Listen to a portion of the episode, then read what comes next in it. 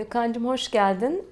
Bugün ne çalışmak istiyorsun? Bugünkü konun ne? Gülen Hanım merhaba. Ben size aslında evlilik hakkında birkaç soru sormak istiyorum. Çünkü bu Ben burada tabii soruları ben soruyorum ama ya danışmak istiyorum o zaman. Ee, Buse'ye ben Peki. evlenme teklif ettim. Kabul Aa, etti. tebrikler. Çok teşekkür ederim. tebrikler. Çok mutlu olduk ama evlilik teklifi yaptığım akşam ya ertesi gün bizim erkek grubuyla toplandığım zaman Hmm. hepsi dediler ki abi evlenme. Hmm. Evlilik aramızda kalsın işte aşkı Hmm. bitiriyor, seksi bitiriyor, sosyal hayatını bitiriyor. Hiçbir şeyin kalmaz dediler. Benim de kafam karıştı. Ya, Sana bu olay nasıl hissettirdi?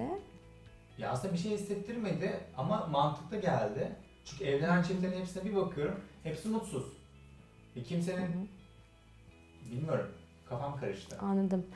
Ee, yani sen söyledikleri sana doğru gibi mi geldi? Doğru mu anlıyorum Evet. acaba? Çünkü hepsi aynısını söyledi. Bir kişi söylemedi ki. Evlenen bütün arkadaşlarım aynı şeyi söylüyor. Abi sakın evlenme. İşte aşk hayatın bitiyor. Bak Hmm. buradaki işte cici mahalleleri şunlarla hepsi bitiyor. Sevişmeler bitiyor. Ondan Hmm. sonra sosyal arkadaşların görüşmeler bitiyor. Ben de korktum açıkçası. Anladım. Peki bunu sana tam olarak inandıran ne oldu? Acaba bir söylemesi. ama sen de inanmayı seçmişsin anladığım kadarıyla. Yani doğru demişsin bunun için. Yani aksi var mı? Siz, siz de evlisiniz. Sizin nasıl durumlar? Ne gibi durumlar? İşte aşk hayatınız, sosyal hayatınız, seks hayatınız. Em, yeterli ölçüde, yeterince, yeterince uygun olduğunda.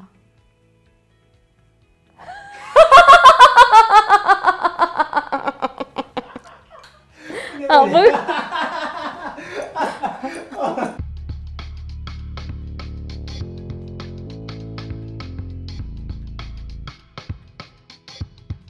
Merhaba ben Gülen.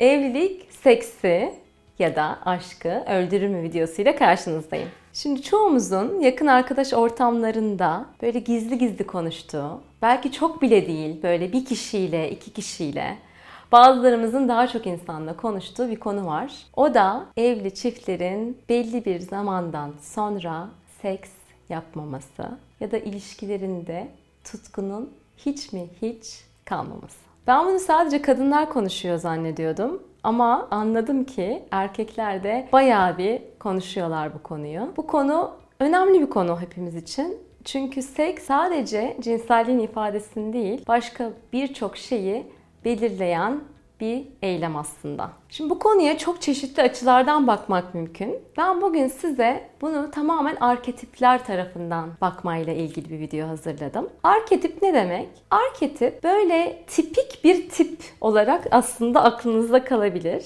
Bir anne deyince aklımızda bayağı birçok şey canlanır ya. Örneğin anne dediğimizde aklımızda hem duygusal olarak bizim bir sürü şey canlanır. Hem görüntüler, sesler canlanır. Anne deyince o annenin nasıl olabileceğiyle ilgili bayağı böyle bir geniş çerçeve, geniş sahne canlanır önümüzde. Aynı şekilde aslında Afrodit deyince de canlanıyor değil mi? Bir Afrodit'in de biz nasıl oturup nasıl kalktığını, nasıl tepki verdiğini, nasıl flört ettiğini bilebiliyoruz. İş kadını için de aynı şey geçerli. Daha çocukken ben iş kadını olacağım diyen Mesela çocuklar var. 8-9 yaşında iş kadını olunca onu imaj olarak gözünün önünde beliriyor çocuğun. Sabah kalkarsın, erkenden topuklularını giyersin. Üzerine böyle şık ama daha böyle formal bir kıyafet giyersin ve onunla işe gidersin. O yüzden arketiplerle konuya bakmak bizim konuyu böyle algılamamızı gerçekten basitleştiren ve bizi de hayatta hangi arketipleri biz yeterince yaşamıyoruz? Hangi arketipleri belki de gereğinden fazla büyütüyoruz? Ona bakmak için arketipler çok gerçekten güzel bir kavram.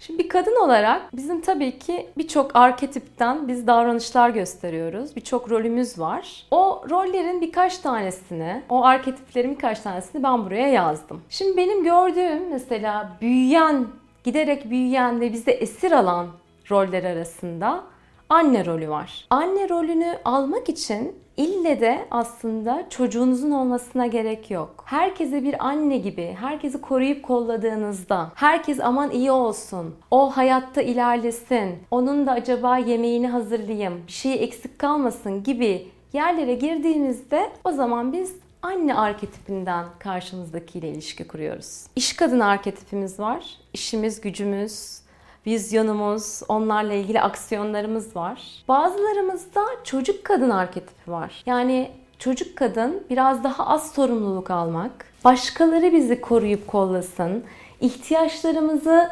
başkaları biz söylemeden hissetsinler de karşılasınlar diye baktığımız arketip. Kanka arketipimiz var. Şimdi kanka arketipimiz arkadaşlarımızla eğlenirken, gülerken kesinlikle olmak istediğimiz bir arketip. Bir de hanım ağa arketipi var. Onu da yazmak istedim ben buraya. Buralar benden sorulur. Her şey benim kontrolümden geçer. Benim kontrolümde olmayan hiçbir olay burada gerçekleşemez arketipi. Şimdi bu arketiplerin hiçbirinde sorun yok arkadaşlar.